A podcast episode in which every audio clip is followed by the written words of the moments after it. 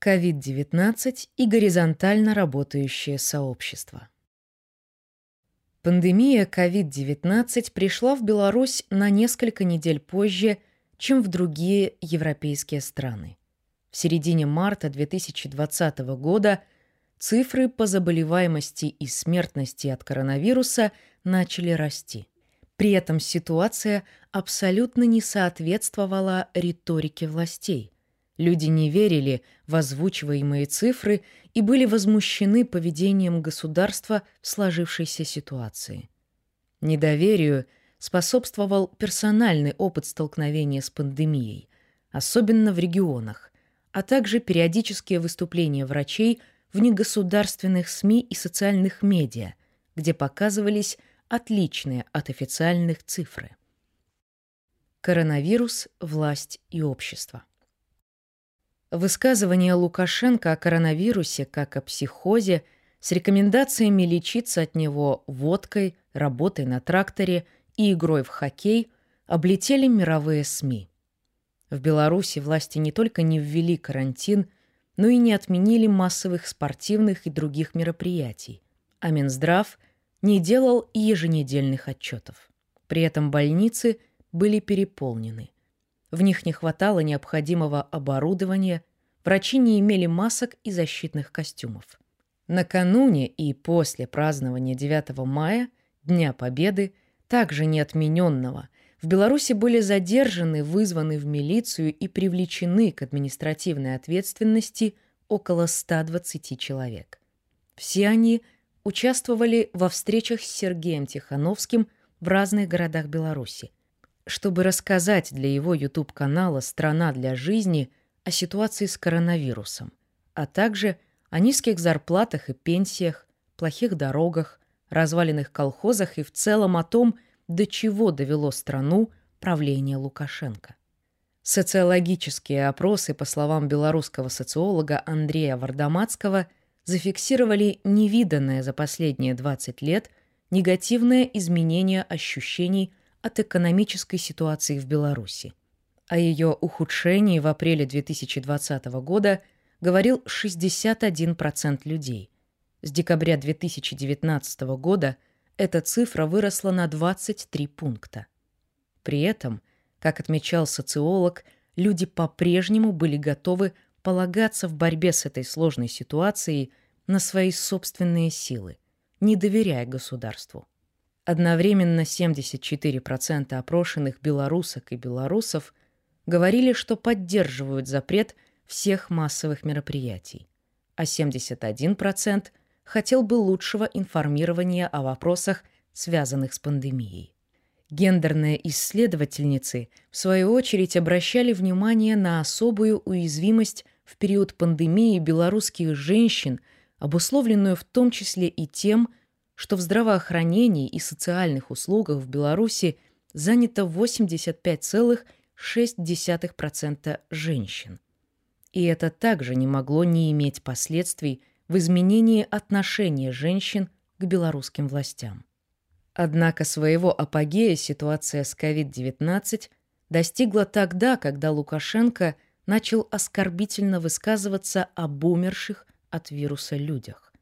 Виктора Дашкевича, заслуженного артиста Беларуси, работавшего в Витебском театре имени Якуба Колоса с 1974 года, Лукашенко на одном из ведущих белорусских телеканалов назвал бедолагой, которого, как и всех стариков с букетом болезней, просили не ходить по улице. Причину смерти другой жертвы коронавируса Лукашенко связал с избыточным весом, заметив, что не понимает, как можно жить со 135 килограммами веса.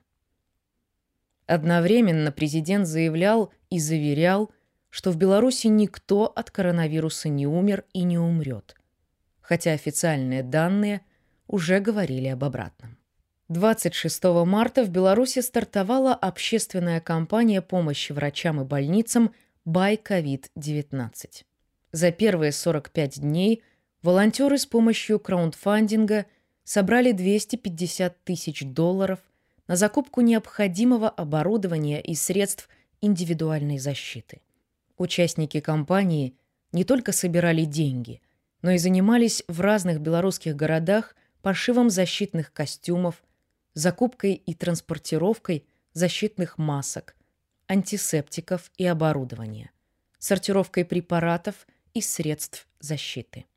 Десятки кафе и ресторанов готовили и привозили врачам и волонтерам еду. На специальном сайте врачи оставляли заявки на помощь, и они поступали практически из всех медучреждений страны. К моменту завершения этой кампании 26 июня было собрано 335 тысяч долларов, что стало рекордом сбора средств физическими лицами в Беларуси.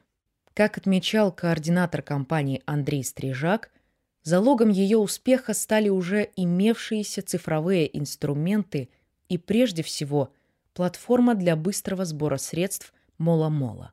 Запущенная в марте 2019 года командой краундфандинговой площадки «Улей» во главе с Эдуардом Бабарико. Другим важным условием успеха Бай COVID-19 стало взаимодействие разных креативных игроков, людей из сферы IT, рекламы, бизнеса, современного искусства, спорта. Как будто бы наработанные в гражданском обществе связи – до того охватывавшие ограниченное количество людей, нашли теперь свое место в широком пространстве социальной поддержки и заместили государство снизу. Через полтора месяца именно эти связи станут основой для действий новых политических лидеров и лидерок, которые решат баллотироваться президенты Республики Беларусь. Виктор Бабарика и честные люди. 12 мая экс-глава Белгазпромбанка Виктор Бабарика заявил на своей странице в Facebook о намерении баллотироваться на пост президента Республики Беларусь. А три недели спустя он объявил о запуске гражданской инициативы «Честные люди», которой за двое суток в разных социальных сетях присоединилось почти тысяча человек.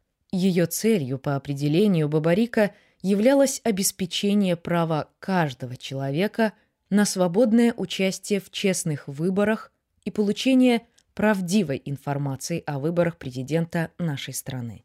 На сайте проекта эта инициатива также определялась как независимое сообщество с общей целью развития справедливого гражданского общества в Беларуси, призванное помочь гражданам – эффективно взаимодействовать с органами управления с помощью различных инструментов обсуждения и развития идей, принятия решений и общественного мониторинга их реализации. Здесь же описывались пошаговые механизмы и предлагались формы, необходимые для подачи заявки в члены участковых избирательных комиссий, а также для фиксации нарушений при сборе подписей за выдвижение в такие комиссии. Со временем появлялись все новые механизмы участия в выборах, которые позволяли включиться в политический активизм и совсем новичкам. Эта кампания и сообщество были огромным шагом вперед в том смысле, что предлагали условия для широкого гражданского и политического участия. Это полностью противоречило стратегии бойкота, которую белорусская оппозиция активно отстаивала последнее десятилетие. Главным мотивом бойкота была реакция на отработанные властями механизмы фальсификации выборов. От контроля за формированием и работой избирательных комиссий с ограничением прав наблюдателей до досрочного голосования, к участию в котором администрации предприятий, вузов, больниц принуждали граждан Беларуси. Последнее обеспечивало более трети явки избирателей. Рекорды были поставлены на последних президентских выборах 2015 года 36,5% и парламентских выборах 2019 года 35,77%. Этот механизм был настолько отлаженным, что возникали сомнения, ведется ли в Беларуси вообще подсчет голосов.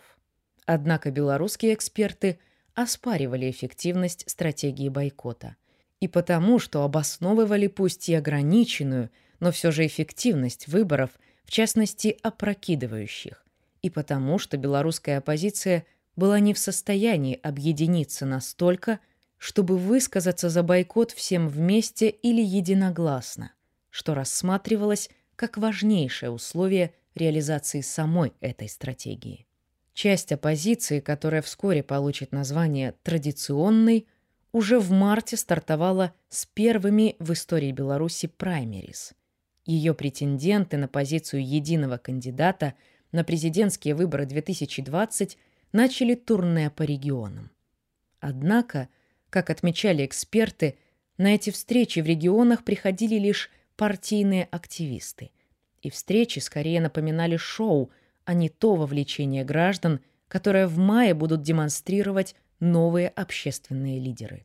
Представители двух партий и двух политических объединений, участвовавших в праймерис Белорусского народного фронта, Объединенной гражданской партии, незарегистрированной партии «Белорусская христианская демократия» и Движение за свободу, озвучивали традиционное недовольство режимом Лукашенко и аргументы в пользу бойкота. Объединившись несколько лет назад в правоцентристский блок, то есть представляя только часть оппозиционных сил с консервативным ценностным спектром, например, ряд их представителей известен публичным неприятием гендерной и ЛГБТ-повестки. Участники праймерис при этом говорили от лица всей демократической оппозиции. Пришедшие навстречу люди отмечали слабую представленность кандидатов в соцсетях, а эксперты – разрыв между повесткой оппозиционных партий и реальными запросами белорусов. Заявления и действия штаба Бабарика демонстрировали обратное, предложив обществу реальные возможности и механизмы для гражданской активизации – возникновение и сообщества «Честные люди» и затем цифровой платформы «Голос» происходило спонтанно в процессе самой предвыборной кампании за счет присоединения к команде Бабарика все новых людей. Проект «Честные люди» запустили четыре человека. Причем только один из них работал в избирательном штабе Бабарика. А к концу июля он объединял уже 300 человек – занятых десятью проектами на волонтерских началах, часто в ущерб работе и заботе о семье. Как объясняла художница Н.Б., одна из инициаторок сообщества, ей надоело, что у нас нет свободы выражения в искусстве. Причем я не одна такая. Я знаю, что за мной и театралы, и музыканты, и художники. Мы все хотим какого-то глотка свежего воздуха и выражения свободы через искусство в том числе. НБ также добавила, что участники команды «Честных людей» шутят, что они в политике с 17 мая плюс-минус два месяца. Важной составляющей работы штаба и команды поддержки вокруг Виктора Бабарика стало сотрудничество с белорусским IT-сообществом, уже много лет существующим поверх национальных границ. Цифровая платформа «Голос» послужила важнейшим механизмом фиксации и опубличивания фальсификаций в период выборов, а затем и фиксации количества участников воскресных маршей и результатов опросов людей по разным вопросам. Ее создатель Павел Либер – Директор одного из подразделений ЕПАМ, глобальной компании, занятой проектированием, разработкой и внедрением программного обеспечения, основанной в 1993 году в Минске, а в 2017 вошедшей в список 25 самых быстрорастущих публичных технологических компаний по версии Forbes, рассказал захватывающую историю о том, как 40 едва знакомых белорусов, временно или постоянно живущих за пределами страны, на волонтерских началах запустили горизонтально работающий IT-стартап, где все построено на взаимном доверии и единении вокруг общей цели. Страна для жизни Сергея Тихановского. Общественная активизация затронула не только людей искусства, представителей бизнеса и IT. Вокруг белорусского предпринимателя и блогера из Гомеля Сергея Тихановского – также заявившего в мае о том, что он будет баллотироваться в президенты, объединились очень разные люди. Всем им он дал голос, когда ездил по Беларуси в качестве блогера. YouTube-канал «Страна для жизни» начал работать в марте 2019 года. В видеообращении 7 мая, в котором Сергей Тихановский объявил о своем намерении участвовать в президентской гонке, он связал его создание с необходимостью противостоять беспределу чиновников и их преступной халатности. На тот момент сам блогер находился в тюрьме, куда был отправлен властями 6 мая за участие в несанкционированном митинге в декабре 2019 года. Накануне празднования Дня Победы по всей Беларуси было задержано около 120 сторонников Сергея Тихановского, критиковавших политику власти в период ковида и, в частности, идею не отменять парад на 9 мая. 17 из них были арестованы на срок от 2 до 15 суток.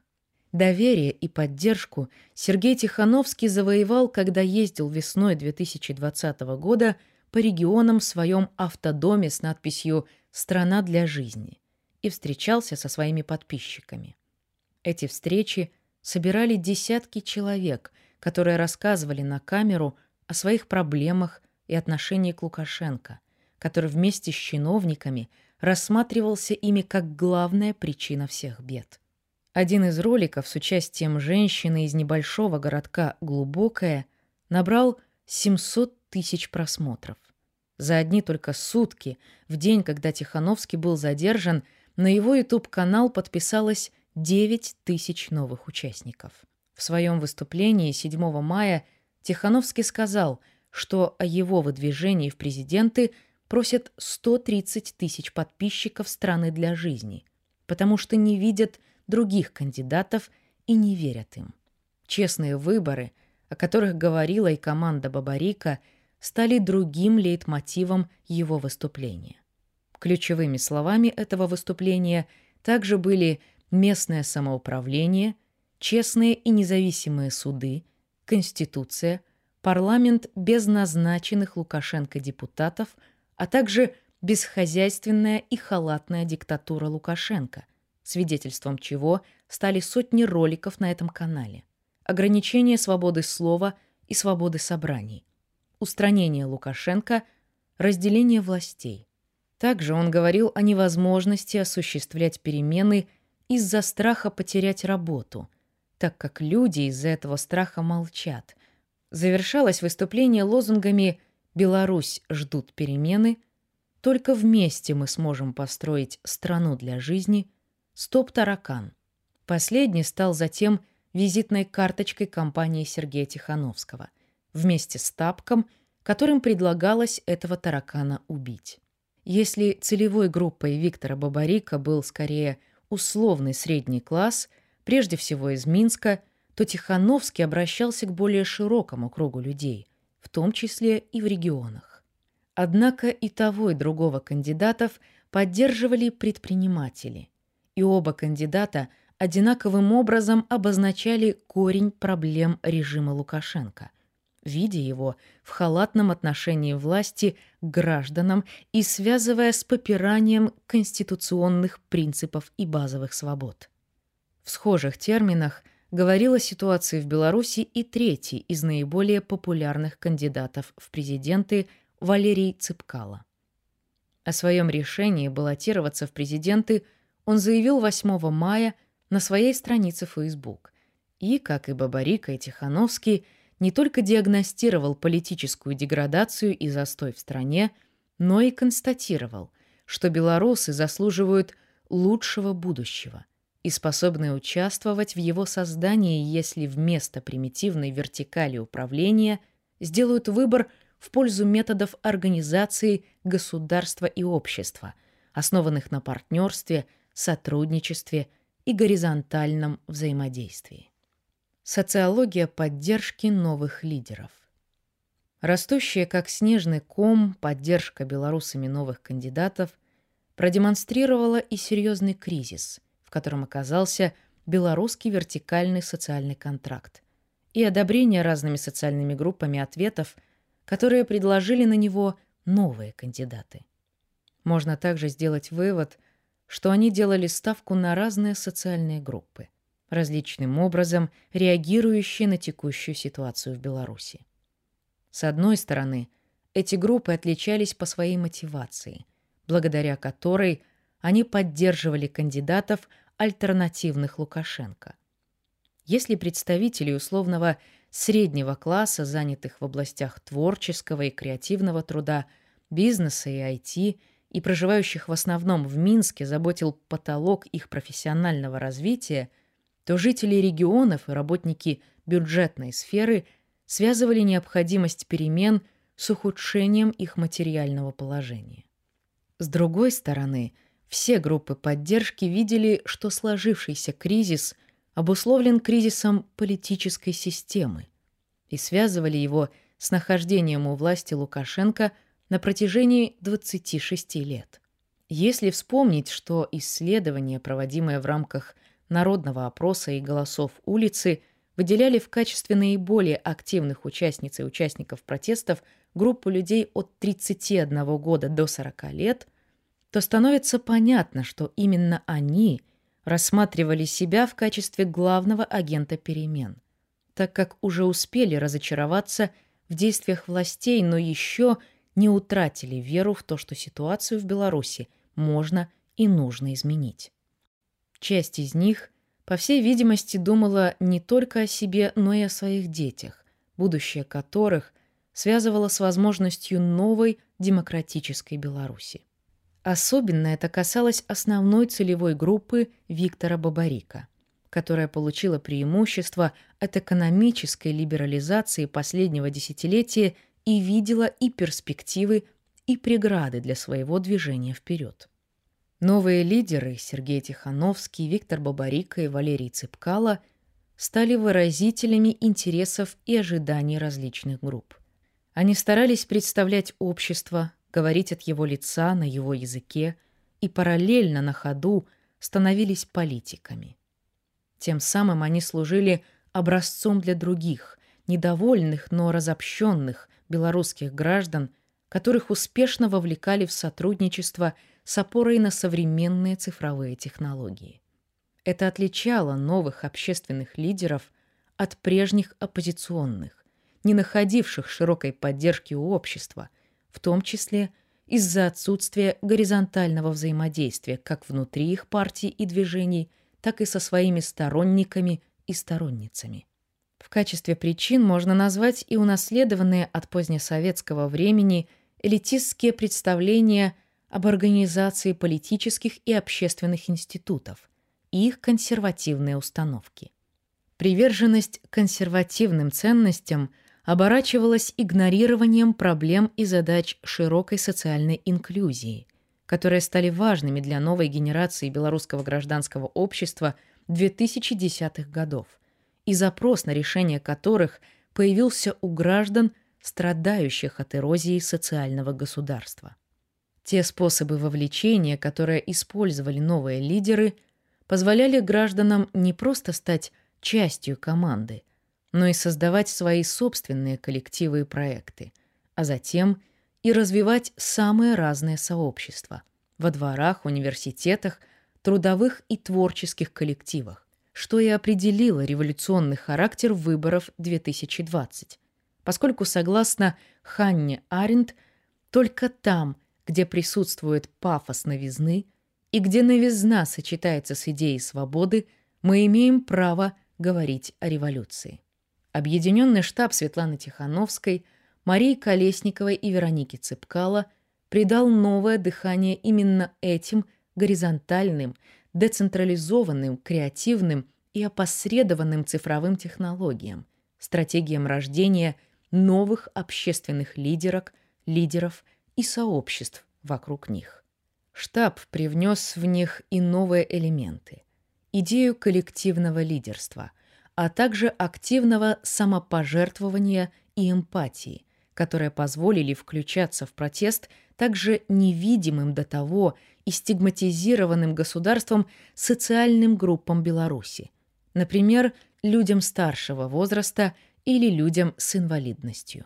Однако важнейшим толчком к консолидации этих и других групп послужил именно COVID-19, так как обнаружил – насколько общими являются причины недовольства и как тесно они связаны с той политической системой, которую за годы своего правления создал Лукашенко. Одновременно общество уже имело наработки в форматах самопомощи через краундфандинг или нетворкинга внутри гражданского общества или зарождающегося среднего класса, которые свидетельствовали о том, что именно горизонтально организованное и солидарное общество может и должно предложить альтернативу режиму Лукашенко. Поэтому неудивительно, что одним из первых символов сотрудничества во имя честных выборов и наряду с изображением Лукашенко в виде таракана станет символ 97%, как символ нового большинства, пришедшего на смену мифическому большинству сторонников Лукашенко.